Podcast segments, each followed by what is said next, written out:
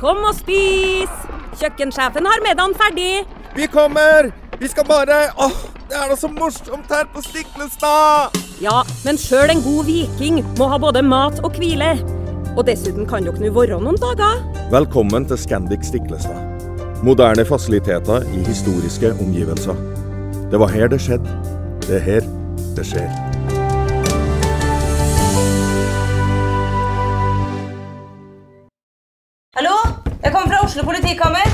Ine Jansen er purk. Er du purk? The motherfucking bitch. Alt jeg vil, er å finne ut hva som skjedde med mannen min. Jon Carew. Er jeg sikta for noe? Iben Akeli. Det er du. Ole So, Lars Berrum og Big Daddy Karsten. Hvem sin side er du på, egentlig? Anette Hoff, Tone Danielsen, Kommer du fra Afrika? Jørnis Josef, Nesten. Kløfta. Trond Espen Seim, Det er synd å si det, men det var feil mann som døde. Purk. Premiere tirsdag på TV2 Play.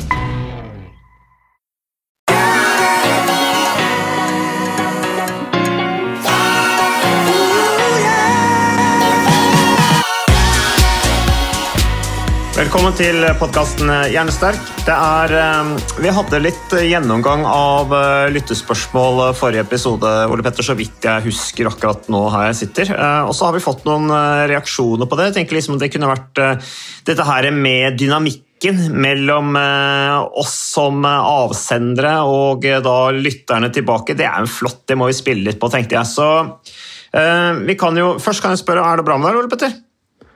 Du, her går det bra. En, ja, jeg har blitt øh, frisk, har vært litt øh, sjuk, sånn småsjuk. Ikke korona, men hosta og hangla litt. Så det har gått en del dager faktisk uten, uten trening. Men nå er jeg i gang igjen. En korte halvtimesturer som ligner nok mer på hurtig gang enn jogging. Men jeg kom meg ut iallfall, og da er det bra. Ja, Så du går ut og går, altså? Ja, jeg gjør det nå. Jeg, det var jo noe jeg aldri kunne ville tenkt på i min villeste fantasi den gangen jeg drev og løp aktivt. Da, da gikk man jo minst mulig. Da skulle man jo spare seg til de ordentlig harde øktene og sånt. Men nå jeg merker det. Jeg finner like stor glede ved å gå meg en tur altså, som jeg gjør med å jogge meg en tur. Så da har det skjedd noe. Ja, Men hvis du går i rask gange, så er jo det fin mosjon, da. Du vet hva, Jeg tror det er en av de mest undervurderte mosjonsformene som fins. Altså, som jeg merker at jeg er blitt mer og mer klar over selv også. Vi kan jo gå, stort sett eh, absolutt alle klarer å gå. Eh, terskelen blir litt lavere for å komme seg ut. Det er mer skånsomt for muskler, eh, sener, ledd. Så er det litt lettere å være sosial også når man går med noen enn når man jogger. Det er ikke så mye tungt pust og snørr og ting som kommer i veien. Nei. Nei, så det er, eh, det, er, det er som du sier, det er en undervurdert eh, aktivitetsform. Veldig mange går jo. De fleste mosjonerer, går jo. De gjør det, og det har jeg bare lyst til å slå, slå et slag for boka til faren din. Og gå. Gå, gå-boka hans. Mm. Den eh, anbefaler jeg folk å lese. Det er en undervurdert uh, mosjonsform. Altså. Og, og selv om du er en av de som liker å bli litt sliten, så går det fint an med gange, det òg. Bare finne en motbakke du, og peis på, så blir du fort like sliten som om du hadde løpt intervall på flatmark. Ja, den Boka er sånn filosofisk perspektiv på det å være ute i bevegelse og gå og undre seg over ting man får se på veien, og det å være en del av en verden eh, og en natur. og i det hele tatt, eh, Helseperspektivet er selvfølgelig viktig. Det er også erfaringen fra moderbad, Nausontorium osv. Så, videre. så, det, så det er flott at du anbefaler den boka der, eh, Ole Petter. Ellers så Vi jobber jo med næringslivet begge to sammen, og der er jo gjengående så er det jo gang som er den største aktiviteten eh, blant alle våre bedriftskunder, enten det er finans eller det er industri. Gå er det folk flest gjør. Så det, det anbefaler vi folk å fortsette med. Men tilbake til lytterne våre, Ole Petter. Eh, en liten reaksjon her på Det er fra Trygve som eh, sender her. Hei, Mats Ole Petter. Takk for eh, interessant podkast for oss som er opptatt av trening som medisin. I dag hørte jeg episoden om frykt. Eh, Det var altså forrige episode. I den savnet jeg perspektivet om hvordan fight or flight-mekanismen faktisk er sterkt involvert og nødvendig for det ukrainske folket. Både på slagmarken og for de som flykter. Her hjemme sitter vi i godstolen og på treningssenteret og har jo egentlig lite nytte av mekanismen. Men, eh, men det hadde de for kort tid siden også i Ukraina. Nå er det avgjørende at mekanismen ligger klar i kroppen. Hilsen da Trygve Skon Skonnor, som eh, da sendte ned spørsmålet, Ole Petter. Hva tenker du om det, det han skriver her? Du, Det er et veldig godt poeng eh, Trygve kom med. og Jeg kjenner jo Trygve. Han er en eh, svært dyktig og trivelig legekollega som også er lidenskapelig opptatt av eh, dette med trening som medisin.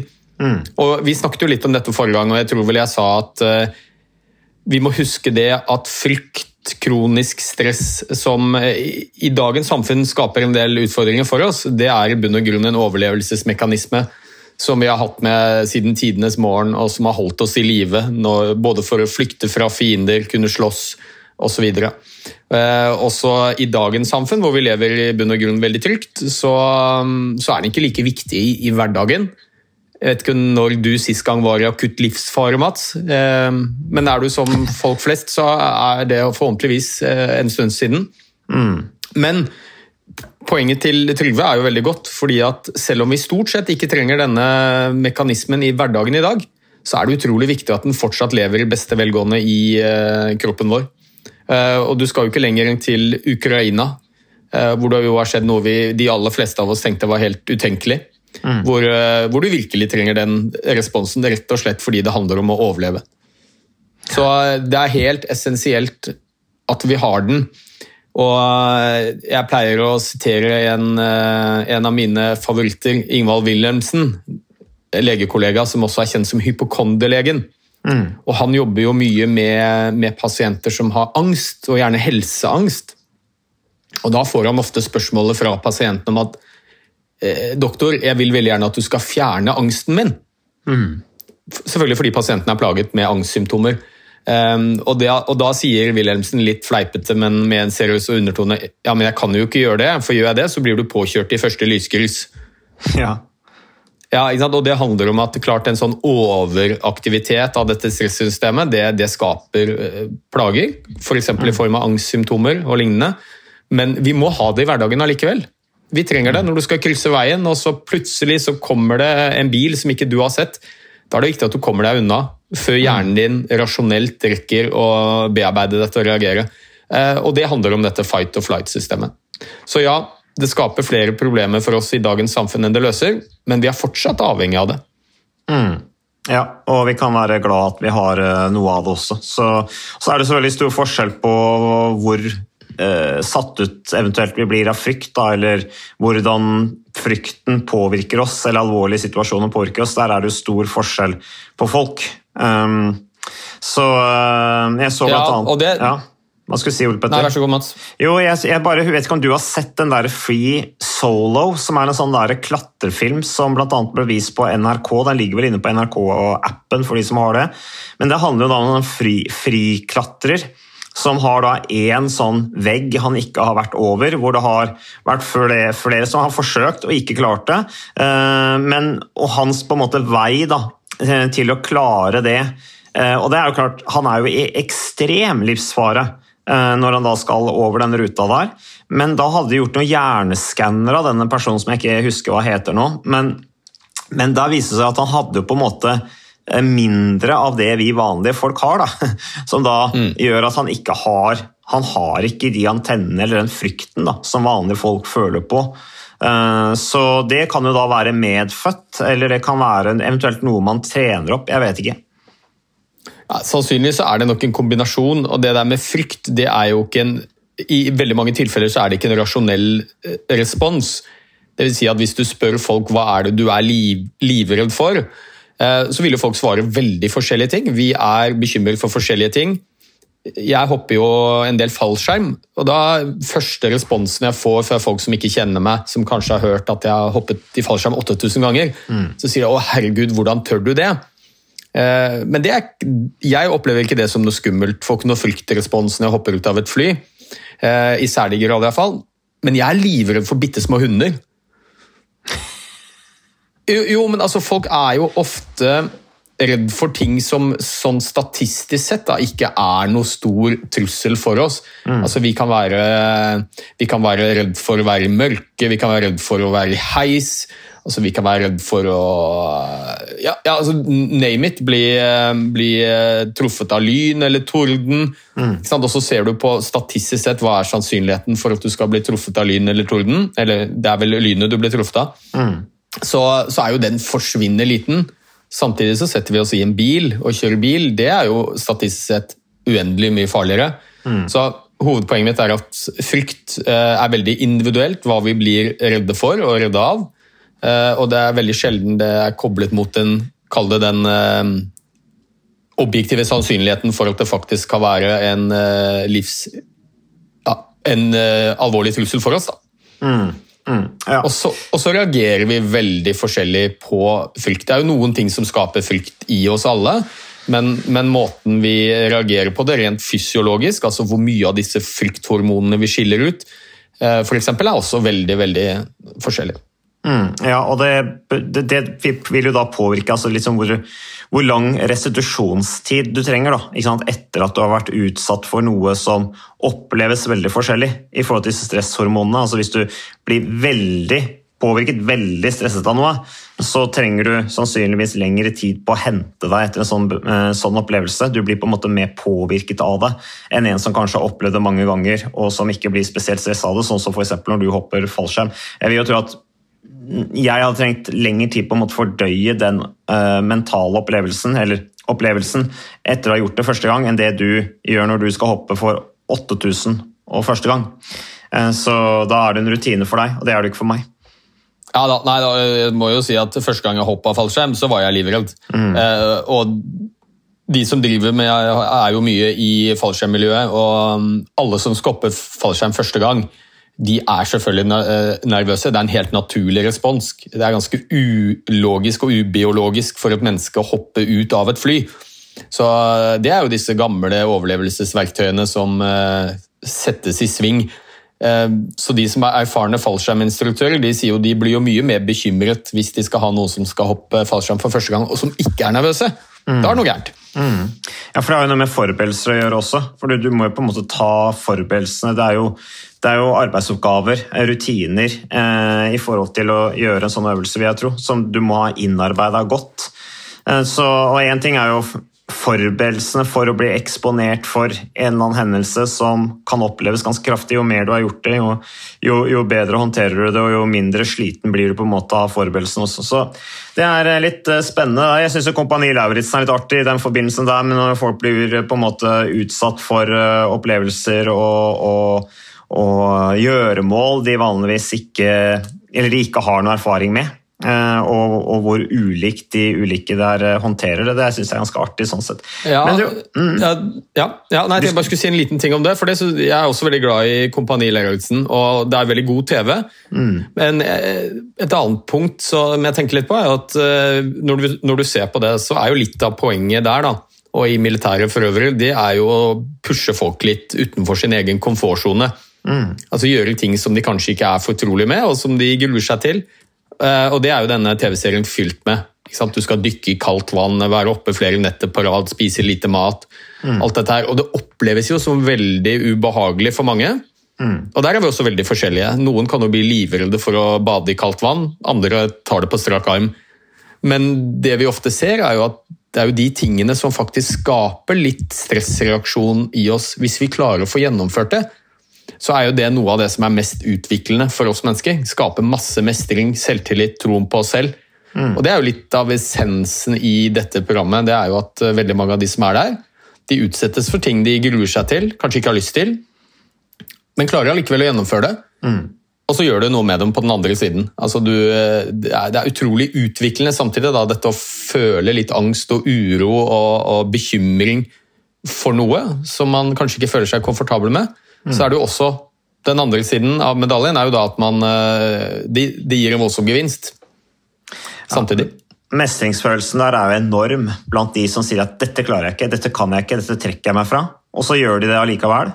Fordi de blir pressa til å gjøre det. De blir stilt altså kognitiv eh, terapi. Da. Det, er de, det, det er jo den metoden de bruker for å få de til å gjennomføre disse tingene. Blanda med litt press osv., i tillegg til dette her at de er en del av et lag. Og sånne ting. Og så gjør de det, og så er det jo en enorm mestringsfølelse, en enorm personlig utvikling som oppleves. så det det er som du sier, eh, Ole Petter, at eh, det er litt farlig hvis man lever et liv som er for komfort, eh, og man ikke blir utfordret på å utvikle seg gjennom ting man kanskje ikke nødvendigvis har så lyst til, og som føles ubehagelig, men som allikevel er veldig viktig da, for, for, ja. for, for personen. Ja, og Det er et veldig godt poeng, og det tror jeg kanskje mange kjenner seg igjen i. Spesielt når vi blir voksne, så lever vi jo, de aller fleste av oss, veldig rutinepregede liv. Vi gjør mye av det samme, vi holder oss godt innenfor komfortsonen nesten hver eneste dag. Um, og det, Jeg pleier å ha stilt mine godt voksne pasienter et sånt klassisk spørsmål. Når vi begynner å snakke litt filosofi og vi er ferdig med legetimen og vi bare småprater litt hvis man har tid til det, så, så, pleier jeg å stille spørsmålet når var sist gang du gjorde noe for første gang? Mm. Og da blir jo veldig mange voksne litt i stuss. Altså, de klarer rett og slett ikke å huske når de gjorde noe nytt for første gang. Og, um, og det vet vi jo veldig godt. Det er uh, utrolig utviklende for oss mennesker. Uh, og jeg som jobber med hjernen, syns også dette er fascinerende, fordi vi ser at uh, det er også veldig effektivt for å forebygge aldersrelatert forfall i hjernen. Mm. Bl.a. beskytte mot demens. Altså, jo mer du utfordrer deg selv, utfordrer hjernen din, prøver nye ting, lærer deg nye ting, så, så er det bra for mestringsopplevelsesfølelse, og så er det også eh, beskyttende for hjernehelsa di mm. i veldig stor grad. Så um, det er sunt å kjenne på litt frykt av og til. Ikke sånn at livet ditt er i fare, selvfølgelig, men noe du opplever som litt ubehagelig og ukomfortabelt. Det, er, um, det anbefales av og til, iallfall. Mm, mm. Men vi må videre her, Ole Petter. Um, bare kjapt uh, litt sånn avsporing, litt annet spørsmål her. Uh, her går det på dette her, Vi snakket om dette med, med kosthold i forhold til bl.a. dette med slag mot hjernen, hjernerystelse og sånne ting. Um, har nettopp hørt episoden fra deres spennende podkast i episoden 'Demping av hodesmerter gjennom kosthold' så nevner, så nevner dere at det er god dekning for å si at mettet fett er skadelig, Eh, gir økning av dårlig kolesterol og kan gi, gi vektøkning. Hvilke forskning eller studier bekrefter dette? Stiller da lytterne spørsmål om eh, Ja, Ole Petter, jeg husker ikke detaljene i hva vi snakka om der, men det er som regel du som kommer med det faglige. Så jeg får spørre deg, hvor har du dekningen det du sier hvor her? Hvor har jeg det fra? Ja, ja. ja først, eh, først nyanserer dette litt, da, fordi det er gjort veldig mye studier på dette hvor man ser på sammenhengen mellom inntak av forskjellige typer fett og risiko for å utvikle sykdom, i dette tilfellet hjerte-karsykdom, som er, kan være hjerteinfarkt, kan være hjerneslag. To veldig vanlige sykdommer i Norge. Mm. Og da ser vi, og nå vil jeg påpeke at dette er på populasjonsnivå, når vi ser på store grupper mennesker fra forskjellige land så ser vi at det er en sammenheng der. Ehm, generelt sett, jo mer mettet fett man spiser i kosten, jo større sannsynlighet for å utvikle hjerte-karsykdom. Og det, eh, Hvilken dokumentasjon? Altså det er tusenvis av kilder, og selvfølgelig publisert i internasjonale såkalte fagfellevurderte tidsskrifter. Så akkurat det der er det Litt barnelærdom, er det ikke det? Jo, men samtidig så, så, har vi blitt mer og mer klar over et par ting. og Det ene er at uh, det er uh, sannsynligvis ikke den totale mengden fett du spiser i kosten din som avgjør risikoen din, eller som påvirker risikoen for å få hjerte-karsykdom, men det er hvilken type fett du spiser. Mm. Og Jeg husker veldig godt da jeg begynte legestudiet mitt, da er vi på midten av, begynnelsen av 90-tallet så, så, var det altså, nesten alt altså Fett ble satt i en egen kategori. Fett skal vi holde oss unna, mm. fordi det øker risikoen for å bli syk. Ja. Og så er jo dette blitt eh, nyansert uh, ganske godt gjennom mye forskning, som tyder klart på at det er ikke den totale fettmengden som er avgjørende for risiko for sykdom, men det er skal vi si, fordelingen mellom de to hovedtypene fett vi har. Da. Mettet fett, som er gjerne hardt fett, type det vi finner i fete meieriprodukter, animalske produkter, kjøtt, blandingsprodukter, bacon, alt dette her. Mm. Eh, det, smør det er på den ene siden mettet fett, eh, og den andre siden så har vi det flytende fettet, gjerne umettet og flerumettet fett. Eh, som kommer gjerne fra plantekilder, olivenolje, soyaolje. Vi finner det i fet fisk, omega-3-fettsyrer, avokado, nøtter osv. Mm. Um, og grunnen til at eh, vi tror, da, for dette er jo det er veldig få ting vi kan kalle en medisinsk sannhet, fordi sannheter har ofte ganske kort levetid i medisinens verden. Så vi vil jo fortsatt si at det er en hypotese, men det er utrolig mye forskning og dokumentasjon på at eh, høyt inntak av mettet fett det gjør noe med kolesterolnivået vårt. Litt enkelt så øker det mengden dårlig kolesterol, som heter LDL, som eh, avleires gjerne i blodårene våre. Blant annet i blodårene til hjernen, til hjertet, kan gi hjerteinfarkt og hjerneslag. Og så har vi, blir det lavere nivå av det gode kolesterolet, som heter HDL. Så vi har faktisk et godt og dårlig kolesterol hvis vi eh, tenker på hva det gjør med helsa vår. Det dårlige det gjør at vi får mer avleiring i blodårene, reduserer blodsirkulasjonen til organene, mens det gode det fjerner fettet fra blodårene og frakter det til leveren. Så ja, det er mye dokumentasjon på at én, spiser du mye mettet fett, så påvirker det kolesterolet ditt negativt. Og når kolesterolet blir negativt, eller blir påvirket i den retningen, så øker det sannsynlighet for hjerte-karsykdom. Eh, men det skjer ikke når du spiser umettet fett. Nei. I særlig grad. strømmer Så- blodet. Ja, så eh, med andre ord, det, mm, igjen kort eh, oppsummert, og, det finnes uendelig med kilder til det. Jeg kan jo det, ta det jeg har nærmest mitt eget hode, og det er jo fra en bok som jeg har skrevet sammen med Tine Sundføl, som er klinisk ernæringsfysiolog, som heter Mat for hjernen. Blant annet i den så er det en rekke kilder eh, som viser dette med risiko for hjerte-karsykdom ved høyt inntak av mettet fett. Når det er sagt, så er det jo ikke sånn at uh, spiser du mettet fett, det gjør vi jo alle sammen, så, um, så er det livsfarlig. Langt ifra. Vi er helt avhengig av fett. Ukas annonsør det er eh, HelloFresh. Og eh, hvis du nå går inn på hellofresh.no og bruker koden 'fresh hjerne', så kan du få opptil 1779 kroner rabatt på da de fem første matkassene dine, hvis du ikke har prøvd HelloFresh enda. Og Ole Petter, vi er jo glad i HelloFresh i podkasten Hjernesterk, eh, selvfølgelig fordi at de er en annonsør. De er med og bidrar til å spre det glade ordet om fysisk aktivitet og god helse. Men i tillegg så har jo vi også nå lang erfaring med HelloFresh Fresh selv. Så vi må jo si at det har vært gode erfaringer til nå. Ja, absolutt. Visste du, Mats, at HelloFresh det er faktisk verdens ledende matkasseleverandør? Og tilbudene til HelloFresh gjør det enkelt å lage gode og varierte retter som skaper matglede. Og matglede vet du, det er like viktig som hva du putter i munnen. Det å spise mat med folk du trives med. Så gjennom 25 nye og inspirerende retter hver uke så bidrar HelloFresh til dette. Du kan bestille ekstra porsjoner om du får gjester, eller hoppe over uke hvis du f.eks. skal bort. Og Det er ingen bindingstid, og du velger leveringstidspunkt og dag selv, så leverer HelloFresh matkassen din akkurat når det passer deg. Ikke dårlig, Mats.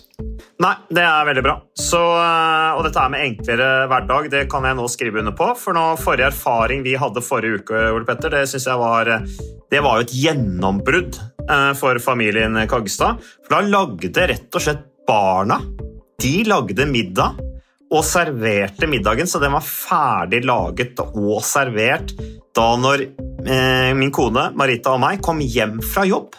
Og jeg mener, det var jo bare helt utrolig. Eh, Det var helt fantastisk. Det ble en nydelig middag. Riktignok, de, de, de, de roter og søler litt, det gjør de. Så, men, men maten ble veldig god. De var veldig stolte over å kunne å ha både laget og servert maten, så det var helt fantastisk. Så vi har jo da i siste så har vi eh, spist eh, bl.a. sitron- og dillstekt hyse med ovnsbakte grønnsaker og aioli. Eh, Vi har spist middelhavsinspirert kylling. Taco, så finnes det mange ulike typer taco. F.eks. vietnamesisk taco, som vi har spist. Thailandsk vegetargryte. Veldig riktig og sunt eh, i dagens eh, samfunn med, med fokus på bærekraft. Hvitløk og chilistekte reker i spagetti, det var definitivt en vinner. Så det er så flott. Du får rimelig mat ved at du kun betaler for det du trenger, så det blir ordentlig feststemning med Hello Fresh. Det gjør det, og nå er det bare for deg å gå inn på hellofresh.no og bruk koden 'fresh hjerne', Da får du opptil 1779 kroner rabatt på de første fem matkassene dine, hvis du ikke allerede har prøvd Hello Fresh. Du kan også bruke rabattkoden hvis du har stoppet abonnementet ditt for tolv måneder siden eller mer. Er det noe å lure på? Håper maten smaker godt. Bon appétit! Det er viktig næringskilde. Vi trenger det for å bygge opp eh, cellene våre. Det er viktig for å lage hormoner og signalstoffer. Så fett er ikke fy-fy, men um, det er liksom mengden, da. Mm. Uh, og jeg startet med å si at dette er på populasjonsnivå, og det er litt viktig å få med seg. Dette er det vi ser i snitt når vi undersøker veldig mange mennesker. På individnivå så ser vi at det er utrolig mye som påvirker f.eks. sannsynligheten for å få et hjerteinfarkt eller hjerneslag. Det kan være alt fra genene du har med deg, det kan være miljøet du lever i, det er livsstilsatferd, søvn, kosthold, trening. Altså det er veldig mange faktorer, da. Så mm. det er fullt mulig å spise mye usunt, mettet fett eh, og aldri få et hjerteinfarkt eller hjerneslag. Akkurat som det er mulig å holde seg langt unna det usunne fettet, spise bare sunt fett mm. og likevel få et hjerteinfarkt eller hjerneslag. Så, men ja Det var delspørsmål én. Og spørsmål nummer to var vel dette med vekt mm. og kolesterol. Og Der igjen så ser vi en sammenheng, dvs. Si at de som har et målbart kolesterol som er litt høyt, altså går du igjen når vi undersøker store grupper mennesker og se på sammenheng mellom hvilket kolesterolnivå de har og hvilken vekt de har, så ser vi at det er en assosiasjon, altså en sammenheng der. Det vil si at uh, det er en klar tendens til at de med høyest kolesterol også har høyest vekt. Ja. Men igjen, dette er ikke absolutt. Og igjen, på individnivå så kan du godt ha høyt kolesterol og være radmager. Og du kan være, ha fedme og ha fint kolesterol. Så det er mm. mange faktorer som spiller inn. Ja. Ja, og så tenker ja. jeg at her skal man ikke bli altfor alt eh, stressa, men jeg, jeg, tror det er ganske ukontroversielt å si at de aller fleste nordmenn da, de vil ha godt av rent helsemessig og kanskje redusere mengden mettet fett. Spise litt mindre av det, og heller øke mengden med umettet og flerumettet fett. Fettsyrer fra oljer, fra planter, fet fisk, mm. avokado osv. Nøtter. Mm. Ja.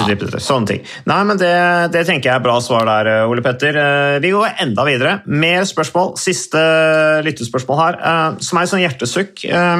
Veldig personlig melding som jeg har fått.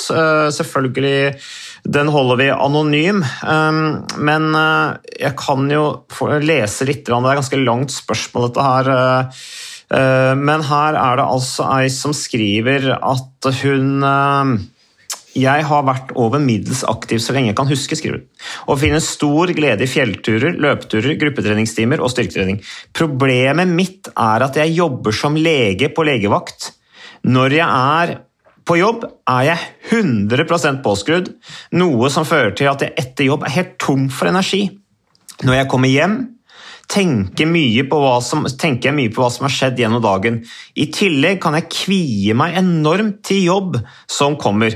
Av og til tenker jeg at jeg har valgt feil yrke, da dette yrke, yrkesvalget preger mye av fritiden min. Treningsmengden har blitt redusert to til fire dager i uka. I perioder har jeg forsøkt å øke treningsmengden for å komme meg ut av den dårlige spiralen, men da ender jeg opp med å gå helt tom i en lengre periode. Jeg må som oftest tvinge meg selv på trening, noe som tidligere ble gjort med glede og helt automatisk. Det kan være dette er helt normalt når man begynner i arbeidslivet, men jeg føler at jobben min nå er blitt livet mitt, og at fritiden min og energien min til venner og familie er så redusert i forhold til det den var da jeg studerte. Eh, jeg er takknemlig for jobben min og mulighetene jeg har fått. Kjæresten min, som også er lege, sier at jeg er i kategorien flink pike, og jeg må lære meg å legge bort disse tankene. Jeg har forsøkt, men jeg får det ikke til. Uh, har dere noen råd? Um, og så legger hun da til Jeg kan legge til at dette ikke dreier seg om dårlig tid i hverdagen. Jeg har ikke barn og får alltid åtte timer pluss time med søvn. Uh, jeg føler bare at jeg har fått en mental overload som gjør at trening, sosiale sammenkomster og hobbyer blir utfordrende. Du er jo lege selv, Ole Petter. Eh, kommentarer her? Ja, veldig fint at hun stiller spørsmålet, og veldig gjenkjennbart. eh, Både sånn helt personlig og privat, eh, men også en, sånn klassisk problemstilling som vi også som jobber som leger møter mye da, hos, eh, hos pasientene våre.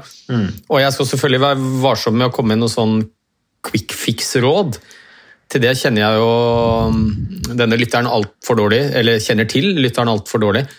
Men eh, sånn umiddelbart så tenker jeg jo at her er det en person som har eh, rett og slett litt redusert livskvalitet. Eh, Fordi man kanskje ikke føler at man har nok mental energi til å bl.a. få trent og gjort andre viktige ting i livet. At jobben stjeler mye energi, kanskje mest mentalt. Og ja, jeg kjenner meg veldig igjen i det. da. Jeg har jo jobbet som lege i veldig mange år, og det er jo en eh, veldig spennende jobb. Mm. Og det sier jo denne lytteren også. Men det er også en jobb hvor du for det første må være veldig på eh, mentalt. Og det er jo ikke alene vi leger om å ha en sånn type jobb, sånn er det mange som har, men du, du må være på hele tiden. Du treffer veldig mange mennesker. Eh, og selv om i de fleste tilfeller så er det ikke noe eh, livstruende og, man, eh, og det står om liv og død, men, men det er jo viktig å være på. Og du treffer mange mennesker du må forholde deg til. Mm. og så har man en, og du treffer en del menneskeskjebner og ting som det, du gjerne drar med deg hjem. Eh, og Det kan være alt fra om du er bekymret for at du, du har gjort noe feil. Det husker jeg jeg brukte mye en, energi på. Det er veldig sjelden det er noe fasitsvar når du møter eh, pasienter. Eh, du kommer med et forslag til hva du tror dette kan være for noe, behandling. Og så kan du gå med en sånn gnagende uro etterpå. Var dette riktig? Burde jeg sendt vedkommende hjem? Kanskje blir hun akutt syk i løpet av natta? Kanskje burde jeg lagt henne inn på sykehus? Altså, det er en mentalt krevende jobb. da. Eh, Og det er jo det det virker som denne lytteren sliter aller mest med. Har tid, eh, i bunn og grunn ønsker og er glad i å trene, men får det ikke til. Og så nevner hun jo en ting selv, da. hun nevner flink pike. Ja. Eh, og det er jo ikke noe- det er jo- nevner det. Ja, typen, det er helt riktig. Typen nevner det, og det er jo ikke noe diagnose eller off, sånn offisielt personlighetstrekk, men jeg tror ikke det er til å stikke under en stol at uh, legeyrket eh, har jo en tendens til å rekruttere uh, stort sett unge mennesker da, som er uh, i anførselstegn flink pike. Det kan være både gutter og jenter. altså. Ja, for det er jo skoleflinke folk, gjerne. Ja, ja altså, I Norge, og jeg kunne godt si litt om det, jeg syns jo det er litt uheldig. da, At eh, det kreves at man er så utrolig skoleflink for å komme inn på f.eks. legestudiet. Og det er selvfølgelig viktig å ha gode kognitive evner og, og kunne tilegne seg mye kunnskap, og sånt, men det er uendelig mange ting som eh, er viktigere eh, å være god på. Menneskelige relasjoner, empati, kommunikasjon, alt dette her. Så jeg skulle ønske at det var litt andre sånne seleksjonskriterier ja, da, på, på legestudiet. Ja, det er interessant. Uh, ja, for jeg, ja, uansett, altså, det har en tendens til å, å rekruttere mennesketyper, som jeg også åpenbart er en av, da, som er veldig pliktoppfyllende. Er vant til å være flinke. eh, og da, er jo det der møtet med arbeidslivet, spesielt når du har en jobb hvor det er mye ansvar, det kan være ganske brutalt og tøft. Og kan fort eh, spise en litt opp. Så ehm, ja, dette er jo for øvrig en av de viktigste grunnene til at jeg ikke lenger jobber som fastlege. Fordi ja. det var en jobb som var altoppslukende, og om man ikke fysisk jobbet med pasienter eller satt med prøvesvar, så var det ting som gikk rundt og kvernet i hodet på en. Ting man kanskje burde ha gjort, eh, ja, osv. Så, videre, og så, så hvis jeg skal komme med noe råd, så må det jo være å ta en sånn grundig vurdering rundt arbeidssituasjonen. Da. Eh, Jeg mener jo ikke med det at man skal slutte som lege, men eh, ja, iallfall prøve å se litt på hvor skoen trykker mest, da, og se om man får gjort noe med det, sånn at man eh, man får tilbake litt mental energi, så man har energi og overskudd til å gjøre de tingene man trives best med. Hun skriver, og Jeg hoppa over den linja der, men hun skriver jeg har jobbet i to og et halvt år, inkludert turnus. Jeg har håp om at det ikke skal være slik for meg resten av arbeidslivet. Jeg er takknemlig for jobben osv. Men eh, dette, Ja, kan men- være, eh, dette kan jo være en peri altså, Nå er hun i en fase, en periode, og sånn er jo livet. Det går jo litt opp og ned. Følelsen av noe går jo litt opp og ned. Eh, og hun er jo relativt fersk ennå, er i en etableringsfase. Det kan jo være at den følelsen etter hvert bare automatisk slipper taket. Eh, og at hun kanskje i fremtiden også vil få en sånn periode igjen hvor hun føler det sånn, men at den kan komme og gå litt. Det er jo ikke nødvendigvis at dette her er en permanent følelse. Nei, du, og, og, det er det sikkert ikke. og det er klart den overgangen, eh, Jeg vet ikke om det sto helt eksplisitt i, eh, i spørsmålet, akkurat, eh, men hun hadde akkurat vært i turnus, tror jeg. Ja, to og et halvt år, da, inkludert turnus. Ja, mm. ja, så da ligger det litt i kortene at det er en, sannsynligvis da, en relativt ung kvinne, og, og, som kanskje ikke har jobbet som lege så veldig lenge. Og Det er klart det er en veldig stor overgang å gå fra et ganske trygt studentliv til å, å plutselig skal du ut og jobbe. Og um, de første årene som lege er ofte ganske overveldende. Eh, og turnustjenesten i seg selv er ganske utfordrende. Så um, sannsynligvis er jo dette noe som vil gå seg litt til. Men jeg tror allikevel eh, veldig mange Og igjen, jeg har ikke noe forskningsdata for å backe opp dette, men er veldig pliktoppfyllende og kanskje opplever at de Eh,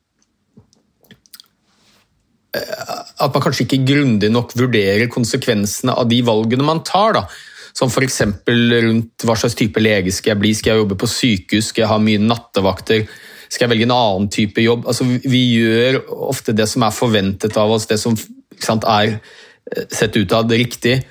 Um, så kanskje et, råd for meg ville være å, å, den dagen du skal ta et sånt valg, om du, hva slags type legejobb du skal ha, mm at du tenker deg grundig om eh, og tenker på konsekvensene rundt livssituasjonen og hva er det som er viktig for deg. Mm. Er det det å jobbe på et sykehus eh, som gjerne er forbundet med litt mer prestisje kanskje enn å ha noen andre typer legejobber hvor det er litt mindre vaktbelastning og mindre arbeidspress? Eller er det det å faktisk kunne ha energi til å komme deg ut og trene, eh, være sosial mm. osv.? Så, videre. så bruke litt god tid, tid på det.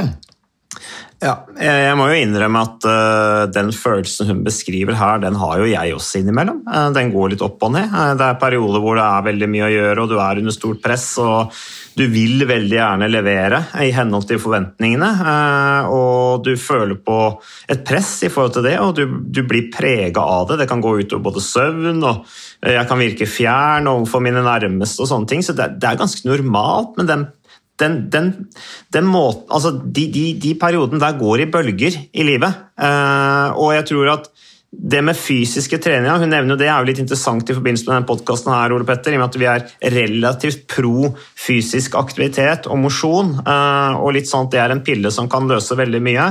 Jeg ville jo absolutt ha opprettholdt en viss form for treningsvaner. Det tror jeg er veldig viktig. At hun ikke liksom kjenner at jeg har hatt noen tunge økter hvor jeg ikke har fått den gleden av treninga som jeg kanskje ellers ville hatt. Men det kan jo ha noe med totalbelastningen å gjøre. At hun føler sånn at hun rett og slett er mer sliten enn det hun var. Hun har mer press og ansvar enn det hun hadde tidligere, og at det påvirker henne totalbelastningen, at det gjør at hun blir mer sliten. Da ville jeg heller skrudd ned intensiteten, jeg ville skrudd ned volumet, men for all del ikke slutt å mosjonere, ikke slutt å trene fysisk. Dæven, Mats, det var som jeg skulle sagt det selv. Det var akkurat det jeg hadde tenkt å si nå også. at mitt, uh, veldig, veldig gode poenger. For man kommer fort i en ond sirkel. Man uh, er utmattet etter jobb, det har vært mye å tenke på, mentalt sliten kanskje først og fremst. Man orker ikke å trene. Uh, og så er det på'n igjen neste dag ikke sant? Med, med, med samme runde. Ja. Og, og, da kommer du gjerne i en litt ond sirkel. Men, og da tror jeg et godt råd kan være å legge lista utrolig lavt, men se om man kan få til noe. Mm. Der hvor du kanskje tidligere hadde en times løpetur eller en intervalløkt, se om du klarer å komme deg ut og spasere deg en tur, 20 minutter, kanskje en halvtime, gjerne med noen, så det er mm. sosialt. Eh, eh, altså Legg forventningene veldig, veldig, veldig lavt, men bare det å gjøre noe så vil jo det også være med på å, å dempe stressnivået. Hun sier jo det at hun er stressa og gruer seg til å gå på jobb. Mm. Så, og Da kan du fort komme inn i, en, inn i en litt bedre sirkel. Og Bare det å få gjort noe tror jeg er utrolig viktig. altså. Det skaper litt mestring også. Mm. For det blir jo gjerne et sånn ekstra stressmoment det når du vet at åh, jeg skulle så gjerne ha trent, jeg er glad i det, det er viktig for meg, og så får du det ikke til. så skaper det bare enda mer stress. Så det å prøve å få gjort noe, legg lista så lavt du bare kan. Og gjerne kanskje heller eh, å gjøre bitte lite grann hver dag enn å ha litt mer noen få dager i uka. Det gjør det litt mer gjennomførbart. Mm. Det er faktisk en ganske god måte å trene på og gjøre, ikke gjøre så mye. Det er faktisk å prøve å trene hver dag. For det er ikke hver dag du har tid til å trene, og da må du på en måte øve opp evnen til å tenke alternativt i forhold til hva, hva en treningsøkt skal være. Da. Eh, og, og, mange syns jeg er klin gæren som trener. Jeg, jeg, prøver å trene hver dag. Um, og det er kanskje ekstremt, men det tvinger meg til å liksom tenke hvilke muligheter har jeg til å få trent selv om det er en hektisk hverdag. Enten det er å stå opp tidlig, eller bare rett og slett ikke stille så høye krav til hver enkelt treningsøkt. Altså, 20 minutter det er også en treningsøkt, eh, men det er det der antallet økter, eh, og at det gjør godt. Det føles bra etterpå. Eh, og så tror jeg også for vedkommende her som sender inn spørsmål, det der å, å få mental avkobling. Da. Kanskje hvis det er treningssenteret hun pleier å trene på Jeg er veldig for treningssenteret, og kona mi har stor glede av det, blant annet, men kanskje er det lurt at hun finner andre arenaer hvor det ikke kanskje blir at hun føler at det er en forventning til prestasjon. Da. Eh, som du sier, Ole Petter, bare å gå ut og gå seg en tur eller jogge seg en tur. Kanskje gå ut og trene eller jogge, gå hva det måtte være, sammen med kjæresten sin eller samboeren eller hva det er, som også er lege. Og det som er veldig bra her, er jo det at hun har jo tydeligvis snakker jo veldig åpent med, med partneren sin da, om dette som også er lege, og det at de har en sånn kollegial at de har en kollegial prat og deler erfaring og sånne ting, det tror jeg er ganske nyttig. For øvrig så, Ole Petter, du kjenner jo til Villa Sana på Mono Bad. Min min mor jobbet jo der i over ti år. Eh, og Det er jo et senter for utbrente leger. Det er vel delfinansiert av, av Legeforeningen. Men det var noen unge leger der som hadde møtt veggen. Men det første de setter det til å gjøre, eller noe av det de bl.a. gjør der, er jo bl.a å, og, og bruke fysisk aktivitet da, uh, som en del av helheten der i forhold til å komme tilbake igjen til jobb og fungere best mulig. Så, ja, da, og det, det, er et veldig, for, for, øvrig bare kommentar til det, et utrolig bra tilbud. Uh, og Det er jo da et tilbud til, uh, til, leger som trenger hjelp, rett og slett. Mm. og Det kan være mange årsaker til det. og Det er heller ikke til å stikke under stol at leger er veldig overrepresentert når det gjelder mentale lidelser og ut, utfordringer, selvmord til og med. Mm. og det mm, ja, Selvfølgelig komplekse årsaker til det, men jeg tror noe av det handler om en kombinasjon av at det er individer som er sårbare, som gjerne kan bli rekruttert inn til dette yrket vi har. da. Mm. Eh, hvor man er veldig pliktoppfyllende, skal være flink. Og det er også heller ikke noe aksept i, eh, i helsevesenet, iallfall ikke blant leger, om å gjøre feil. Og Det syns jeg er litt interessant. Det er en av de tingene som stresser og bekymrer lege mest, ehm, det er jo redselen for å gjøre feil. Mm. Og det gjør vi jo alle sammen. Som eh, kan få alvorlige, til og med dødelige konsekvenser for, for pasientene våre. Det er jo et mye ansvar å ha hvilende på sine skuldre. Mm. Og det snakker man ikke om. Man snakker ikke om det på legestudiet. Det er nesten sånn opplest og vedtatt at eh, man skal ikke gjøre feil. Nei. Det er det verste du kan gjøre. Ja, det kan være det, men det er også helt naturlig. Alle gjør feil. Mm. Legene også, og det, det, må vi faktisk eh, tørre å snakke om. Mm. Eh, nå skal vi avslutte den podkasten, men bare når du nevnte dette med å gjøre feil og tabber eh, Jeg jobber jo i TV 2, og der feirer vi tabbene våre, faktisk. Og det synes jeg er noe sånn Det er noe med takhøyden og det er noe befriende over det. Men konsekvensen av det blir noe helt annet enn hvis du glemmer igjen operasjonssakene i magen på en du opererer. det, det, kan ikke sammenlignes, liksom, men allikevel.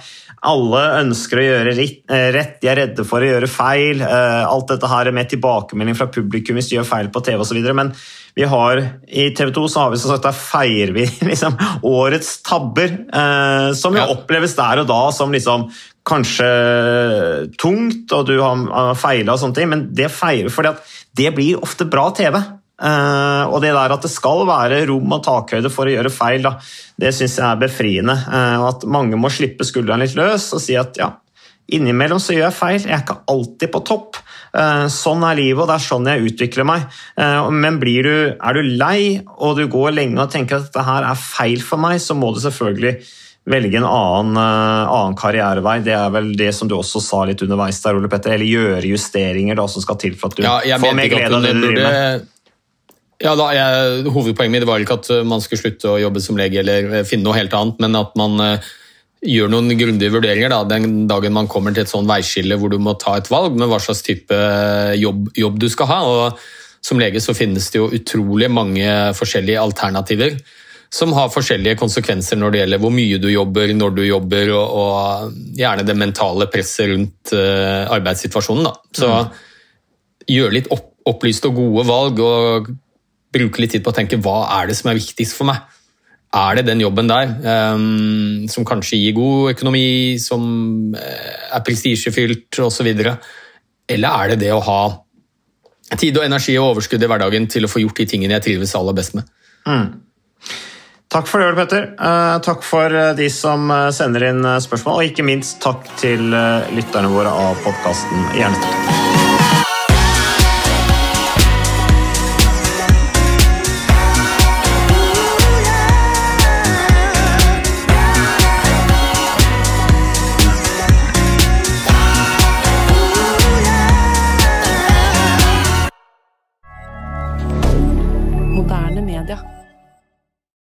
Har du et enkeltpersonforetak eller en liten bedrift? Da er du sikkert lei av å høre meg snakke om hvor enkelt det er med kvitteringer og bilag i fiken, så vi eh, gir oss her, vi.